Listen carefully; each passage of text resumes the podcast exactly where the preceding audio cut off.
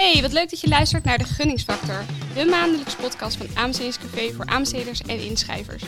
Breng je op de hoogte van de laatste ontwikkelingen in Amersfoortsland. Mijn naam is Nancy van Bemmel en naast mij zit Sander van der Broek. Sander, stel je eens even voor. Dankjewel Nancy. Uh, Sander van der Broek is mijn naam en ik ben de, de oprichter van Inkoperscafé. Ik ben daar 17 jaar geleden mee uh, gestart. En uh, vijf jaar geleden is de aanbestedingscafé bijgekomen. En in die tijd zijn we ook gestart met een eigen redactie. Het schrijven van aanbestedingsnieuws. En als ik me niet herinner, Nancy, was jij onderdeel van die redactie? Zeker. Ja, ik heb ook inderdaad een tijd voor uh, Inkoperscafé en Aanbestedingscafé geschreven. En sinds kort weer aangehaakt. dit is dus de eerste aflevering van de Gunningsfactor. En iedere aflevering hebben we een bijzondere gast. Volgende maand schuift bijvoorbeeld een voor, vooraanstaande aanbestedingsadvocaat aan. Dus mocht je dit niet willen missen, abonneer je dan dus zeker even op dit kanaal. En vandaag is onze bijzondere gast Eline Lagendijk. Eline schrijft nieuwsartikelen voor Aanbestedingscafé. Eline, je schrijft nu enige tijd over aanbestedingen. Wat is je opgevallen? Ja, wat is mij opgevallen? Nou, uh, dit jaar kunnen we natuurlijk niet om de coronacrisis heen, helaas. Nee. En uh, je ziet dat uh, vooral gemeenten daardoor best wel in de knel komen. Omdat de zorg anders georganiseerd moet worden. Er moet meer zorg op afstand komen. De meer individuele zorg, omdat er afstand gehouden moet worden. Dus dat kost meer. Ehm, daarnaast zie je ook dat er in andere sectoren de coronacrisis uh, invloed heeft. Dat zorgt voor veel onzekerheid. En ik vind een goed voorbeeld daarvan is wel de OV-sector. Uh, want ja, hoe ga je aanbesteden als je uh, niet weet hoeveel reizigers je kunt verwachten? en dan, dat was bijvoorbeeld het geval bij de Valleilijn. er was best wel interesse voor die concessie. de provincie heeft zelfs nog gezegd van we, doen, we, we, springen bij. Maar er heeft zich uiteindelijk niemand ingeschreven voor die concessie. Ja, precies. Je had natuurlijk uh, nou toch behoorlijk wat aanbestedingen de afgelopen jaren in uh, met name de wat nou, minder drukke routes, laat ik het zo noemen. Ja, als je daar nu een aanbesteding voor moet starten, dan liggen er nog meer grote vraagtekens op tafel dan daarvoor. Dus een aanbesteding leent zich al snel om nou ja, even niet uit te voeren of wat later uit te voeren als er wat meer duidelijkheid is. Ja, logisch gevolg van de coronaperiode wat mij betreft. Ja, ja, die bedrijven durven gewoon het risico niet aan en dat, dat snap ik ook. Uh, nou ja, los van corona zie ik ook uh, af en toe grote complexe overheidsopdrachten die duurder uitvallen, die langer, uh, ja, die langer duren. Volgens mij is dat wel iets van alle tijden. maar een mhm. voorbeeld daarvan is bijvoorbeeld het Zuidasdok en recent ook nog de afsluitdijk, waarbij ja, belangrijke informatie pas na de gunning werd gegeven en er allerlei nieuwe berekeningen gemaakt moesten worden om de, als ik het goed zeg, de sluizen uh, te renoveren. Dus, uh, maar ik denk, ja, ik, ik zeg het is van alle tijden, maar dan kijk ik jullie even aan. Is dat ook echt zo? Ja, ja ik kan dat wel beamen. Ja, volgens mij ook. Uh, het, is het, is, het, het versterkt wel. Dus het, is, het lijkt dit jaar nog wat erger dan in andere jaren. Er zijn er ook ja, meer redenen, hè, zoals we net in de voorbeelden al aangaven, meer redenen om problemen tegen te komen in een aanbesteding. Ja. ja. Dus kijk jij er tegenaan, Nancy? Ja, ik denk dit, dit, dat dit het versterkt. Maar uh, ja, er zijn altijd wel problemen in, in. Ja, precies. Maar dat we er zoveel over kunnen schrijven. Ja, precies, nou gelukkig maar. Maar zie je ook nog positieve ja, punten? zeker. Dat uh, wilde ik net zeggen. Want we schrijven in, regelmatig over dingen die uh, misgaan. Dingen die beter kunnen, rechtszaken. Maar er zijn ook positieve ontwikkelingen. Bijvoorbeeld op het gebied van duurzaam en circulair aanbesteden. je ziet dat de Nederlandse overheid dat nou, stimuleert op allerlei manieren. Rijkswaterstaat is bijvoorbeeld dit jaar derde in de het lijstje meest duurzame publieke opdrachtgevers. Dus die werken daar hard aan. Uh, tegelijkertijd zie je ook dat de Europese Commissie wil dat uh, circulair aanbesteden minder vrijblijvend wordt. Door bijvoorbeeld uh, targets te stellen. Decentrale overheden moeten gaan vastleggen hoe vaak ze circulair aanbesteden. En uiteindelijk worden daar ook echt doelen in gesteld. Dus dat is wel interessant. Uh, tegelijkertijd zie je ook, dat schreven we dit jaar ook nog, dat in twee derde van de bouwaanbestedingen van vorig jaar nog helemaal geen duurzame gunningscriteria worden gebruikt. Dus als we dan toch een kritische noot toe mogen voegen, dan uh, zou ik zeggen, misschien is daar nog weer werk aan de winkel. Dus uh, ja. ja, absoluut. En bedankt Eline. want je hebt nu al een aantal nieuwtjes genoemd, maar daar gaan we het eigenlijk vandaag dus ook over hebben. Want de afgelopen maand zijn er een, een hoop nieuwtjes geweest, vooral over infra-aanbestedingen op, en op het vlak van sociaal domein. Um, dus hier zullen we je even doorheen praten. Sander, zou jij willen aftrappen met het eerste nieuwtje? Um, ja, uiteraard. Um, er zijn de afgelopen periode al behoorlijk wat artikelen op de site uh, verschenen. Over ja, eigenlijk de belangrijkste items die opvallen in deze tijd. Nou ja, iedereen het nou leuk vindt of niet, we kunnen niet om corona heen. Hmm. En dat, dat zie je toch wel op allerlei vlakken de agenda's beheren, beheersen. En, ehm, en daar, daar vallen een aantal dingen bij op.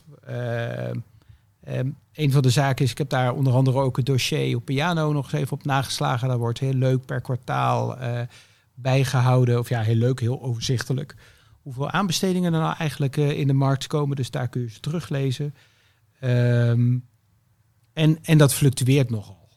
Uh, je ziet waarbij dat in het verleden redelijk stabiel is, zie je het nu nou ja, van week op week toch al gauw 30, 40 procent afwijken.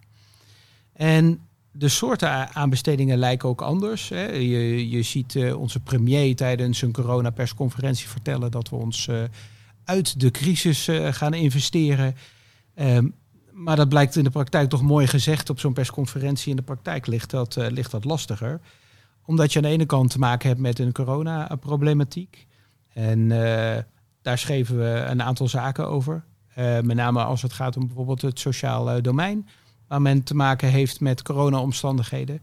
Maar ook in, ook in de infrastructuur um, ja, um, heeft het dan een bijzondere dynamiek. En een van de aspecten die daarbij bij een rol speelt, is dat het sociaal domein voor veel gemeentes toch, wat, toch veel tijd opeist. En vooral um, ja, de lastigere aanbestedingen verdrukken daardoor andere aanbestedingen. En met name in de bouwsector zie je dat dat daar een behoorlijke verschuiving is van, uh, van opdrachten. En ja, dat heeft wel een grote impact op die, op die sector.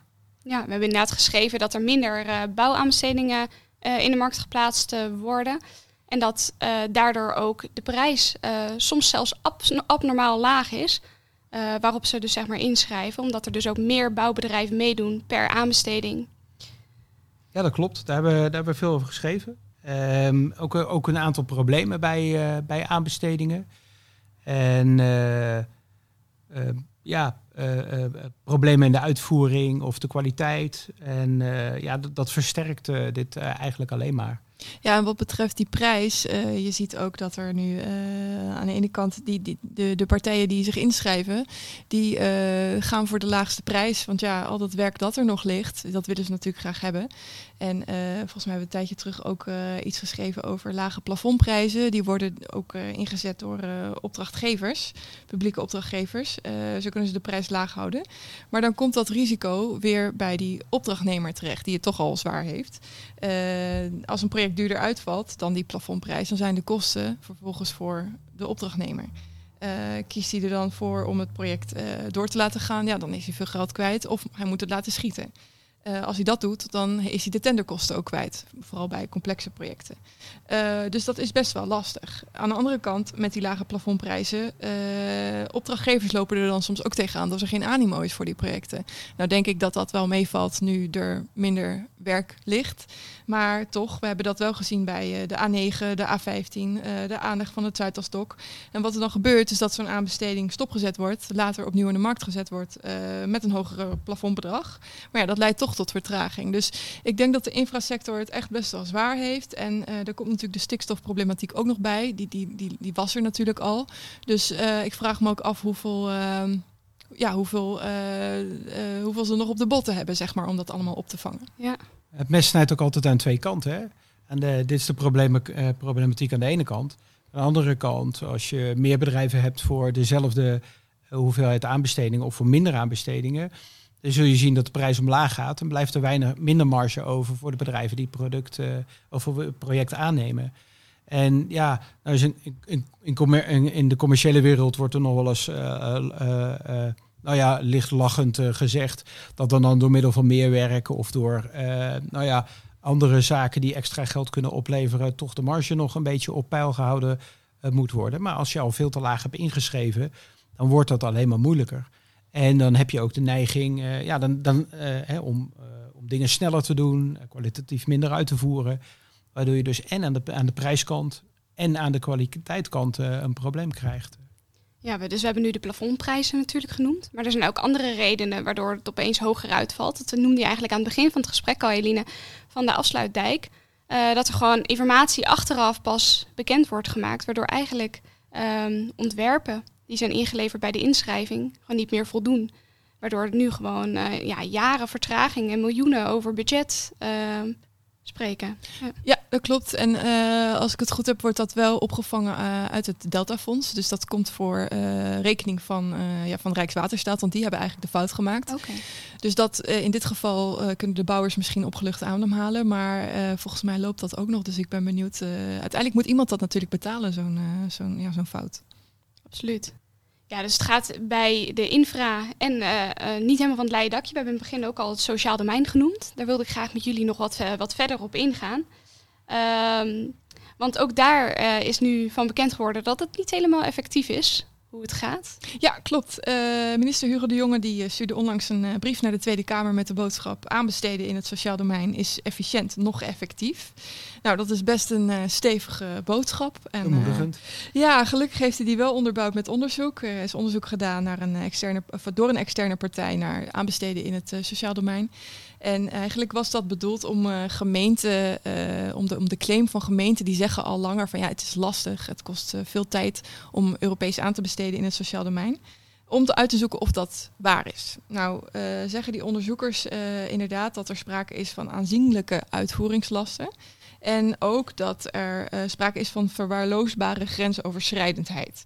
Nou, wat wil dat zeggen? Uh, slechts een half procent van al die aanbestedingen die onderzocht zijn of bekeken zijn, die ging over de grens heen. Dus ja, wat is dan het nut van Europees aanbesteden? Uh, verder zeggen ze dat die verplichtingen dus tijdrovend en kostbaar zijn. En uh, dat komt dus niet ten goede aan de zorg. En ik denk dat dat wel aansluit bij wat uh, de jongen al langer wil. Want die wil eigenlijk al een tijdje van die Europese aanbestedingsverplichtingen af in het sociaal domein. Dus dat is interessant. Ja. Oké, okay. nou hij, hij, werd denk ik deze week op zijn wenken bediend. Hè, met een behoorlijk vernietigend rapport van het Sociaal en Cultureel Planbureau. Die hebben vijf jaar na invoering van eh, van de WMO in 2015 eh, onderzocht eh, hoe dat nou gegaan is. Even voor de luisteraar die daar misschien niet helemaal nog van op de hoogte was of misschien nog niet bij aanbestedingen betrokken was. Vijf jaar geleden heeft het Rijk, beter gezegd de regering, besloten dat de uitvoering van de wet maatschappelijke ondersteuning, de jeugdzorg en de participatiewet gedecentraliseerd werd. Uh, naar de gemeentes. Dat hield in dat 355 gemeentes uh, de uitvoering uh, voor hun kiezen kregen. En in die tijd, dat was geloof ik een, een inwerkperiode of een periode waarin ze de, de, gemeentes de tijd hadden om dat op orde te krijgen van exact een jaar. En wij vroegen ons stond de redactie al af, nou, in een jaar dat hele pakket voor je rekening nemen. Terwijl je dat nog niet eerder gedaan hebt of nou ja, helemaal geen ervaring mee hebt. Hoe gaat dat lukken? Dus we hebben gedurende dit jaar ook in de gaten gehouden. Uh, nou ja, of dat lukte. Kun je dat nog herinneren, Nancy? Ja, ja zeker. Als ik me goed uh, herinner, hebben we daar Jan Telg over gesproken. Ja, dat klopt.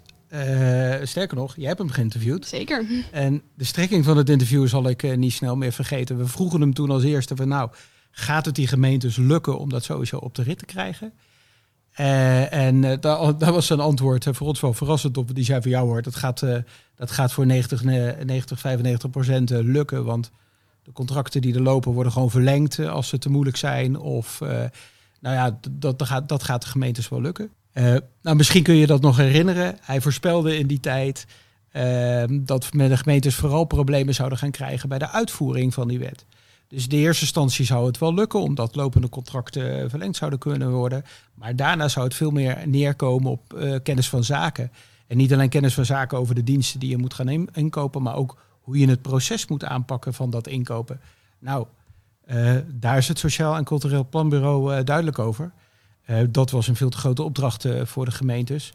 Met als gevolg dat met name nou in de lastige trajecten mensen gewoon buiten, buiten de boot zijn gevallen. Ja, precies. En daar hebben de gemeenten dan op zich wel weer een handig trucje voor ontwikkeld. En dat heet dan uh, Open House. Uh, Eline, daar heb je ook al het een en ander over geschreven. Misschien kun jij daar wat meer over toelichten? Ja, Open House, uh, die contractvorm maakt het mogelijk om nieuwe zorgaanbieders tussentijds toe te laten treden. En um, je kunt ook tussentijds je contractvoorwaarden wijzigen. Um, en het, de oorsprong daarvan ligt in het arrest Valk Pharma. Uh, dat arrest bepaalde dat er bij een aanbesteding sprake moet zijn van het laten plaatsvinden van een selectie door de aanbestedende dienst tussen geïnteresseerde ondernemers. Wordt er geen keuze gemaakt, dan is het geen overheidsopdracht. En dat leidde vervolgens tot het open house model, waarbij inschrijvers die dus aan een bepaalde gestelde eisen voldoen, zonder onderscheid en in volledige concurrentie het recht hebben om de opdracht uit te voeren. Nou ja, wat betekent dat in de praktijk? Dat je je dus gewoon kunt inschrijven op een standaard contract. Ja, en dat er gewoon dat het geen wezenlijke wijziging is als die contractvoorwaarden iets aangepast worden. Nee. Dus eigenlijk ben je daarmee het aanbesteden aan het omzeilen. Ja, precies. Wat dus best wel handig kan zijn als je dus uh, bij een gemeente werkt en moet aanbesteden in het sociaal domein en je dat best lastig vindt. Ja. Goed, Sander heeft natuurlijk al even uh, het rapport aangehaald. Uh, Eline, zou jij er misschien nog wat over het rapport van de Sociaal Cultureel Planbureau willen zeggen. Ja, want, ja, zeker. Want wat ik wel interessant vond, is uh, dat uh, die onderzoekers eigenlijk schrijven van ja, de verwachtingen waren te hoog gespannen van deze stelselwijziging. Uh, het ging natuurlijk om de participatiesamenleving, om met elkaar schouders eronder mensen opvangen in je omgeving. En ze zeggen ja, um, er zijn nog steeds knelpunten in de jeugdzorg onder andere. En men was gewoon te optimistisch over wat die samenleving aan kan en wat ook het sociaal vangnet kan bieden. Um, en dat, dat, ja, dat vond ik gewoon wel een interessante overkoepelende observ observatie eigenlijk. En uh, wat zij ook nu zeggen is van ja, de ministers, de verantwoordelijke ministers moeten gaan bijsturen. Kwetsbare groepen moeten meer prioriteit krijgen, want die worden dus niet voldoende opgevangen. En de regelgeving moet minder, uh, minder complex worden. En dan zou het afschaffen uh, van die Europese aanbestedingsverplichting in het sociaal domein wel misschien een eerste stap zijn. Tegelijkertijd zeggen zij ook, ja, een complete stelselwijziging zoals vijf jaar geleden, dat, dat is te veel werk. Um, uh, maar er zijn gewoon nog wel opties uh, met het stelsel dat er nu is, maar er moet zeker iets veranderen. Ja. Het is wel frappant hè, dat we vijf jaar geleden een, uh, een zo'n heftige decentralisatie hebben doorgevoerd, eigenlijk van bovenop afgelegd. Zo van hier gemeentes gaat maar uitvoeren. En uh, na vijf jaar de conclusie trekken dat het bij de invoering niet helemaal lekker is gegaan. Eigenlijk hoef je geen uh, Einstein te zijn om te begrijpen dat dat niet goed, uh, dat dat niet goed kon gaan. En wat dat betreft denk ik dat het ook veel verstandiger geweest was als men eerst was gaan nadenken over hoe die decentralisatie er dan precies zou kunnen uit, uit zou kunnen zien. Je zou ook kunnen onderzoeken vooraf um, of de gewenste effecten, namelijk het besparen van kosten en een betere kwaliteit doordat je meer maatwerk kunt bieden, of dat ook daadwerkelijk in de praktijk uitpakt. Nu zijn we het eerst gaan invoeren, over het hele land maar gelijk. Ja. En na vijf jaar te, stellen we de, uh, uh, eigenlijk de twee uitgangspunten tot uh, nou ja, eigenlijk, eigenlijk de vraag hè, van is dat haalbaar? En ja, ik vind het eerlijk gezegd wel logisch dat Sociaal en Cultureel Planbureau nu zegt terugdraaien, dat moeten we nu niet meer willen. Want we hebben al een heftige verandering gedaan. Maar aan de andere kant ja, is het de huidige minister, ja, die krijgt wel een mooie, uh, een mooie taak uh, op zijn bord om te zorgen dat er, nou ja, alles wat niet goed gegaan is te gaan repareren. Ja, zeker. Ja. Ja. Gewoon betere begeleiding misschien van de gemeente komen. Nou ja, goed, het is niet aan ons om daar oplossingen voor te verzinnen. Maar ja, dat er iets moet veranderen, dat staat wel uit te kijken. Ja, ik ben eerlijk gezegd ook wel benieuwd hoe men dit in de gemeentes ervaren heeft. Um, hoe, hoe dat gegaan is. Er zullen ongetwijfeld gemeenten zijn waar het hartstikke goed gegaan is. Of waar men uh, misschien zelfs uh, uh, nou ja, een aantal van die doelen wel bereikt heeft. Maar er zullen ook gemeentes zijn waarbij men met het handen het haar zit. Omdat men niet goed weet hoe men dit moet aanpakken. En misschien dat een van de luisteraars die hiermee te maken heeft wil reageren in de comments. kom er in ieder geval graag mee in contact. We willen daar meer over weten. Dus reageer graag bij, bij deze podcast. Absoluut. Ja, precies. Nou, we gaan hier uh, volgende maand nog verder over praten met onze mystery guest. Uh, voor nu, uh, hebben jullie misschien nog een laatste tip? Een tip over de mystery guest? Een tip over het sociaal domein. Laten we daarmee afsluiten. nou, een kleine tip. we, zouden, we zouden een Mr. Open House kunnen noemen. En, maar dat is meer een tip voor de luisteraar om de volgende keer vooral te komen luisteren. Um, ik, had, ik, heb, ik heb nog een leuke tip over, uh, over uh, iedereen die te maken heeft met, uh, met het sociaal domein. we kregen vandaag een persbericht binnen van het programma Inkopen en Aanbesteden Sociaal Domein. Die hebben een e-learning, die hebben tien e-learning modules ontwikkeld. Um, waarbij je in ja, tussen de 20 en 30 minuten kennis kunt opdoen van ja, de, de, verschillende, de verschillende modules die ze hebben opgedaan. Het is gratis uh, te gebruiken. Uh, je moet je wel even registreren. We hebben het nog niet uh, kunnen uittesten, maar iedereen die ermee te maken heeft, zou ik zeker even een, een kijkje gaan nemen. De onderwerpen die ze aan de orde laten komen zijn nou ja, algemene informatie, segmenteren, proces, hoe je het proces zou kunnen aanpakken. Maar ook de transformatie die je als gemeente kan doorgaan, het analyseren van de markt en ga zo maar door. Ja, we zullen de link wel even in de show notes zetten. Ja, en je vindt ook een berichtje op onze site met informatie en een aanmeldlink. Ah, het is al op de site te lezen. Ja. Te gek. Bedankt Sander en Eline. En voor de luisteraars bedankt voor het luisteren. Um, nou ja, je weet natuurlijk dat we volgende maand er weer zijn met een mystery guest waar je al een, uh, een aantal tips over hebt gehoord. Um, wil je nu deze podcast echt niet missen? Abonneer je dan alvast op dit kanaal. En um, nou, tot volgende maand. Tot volgende maand. Bedankt voor het luisteren.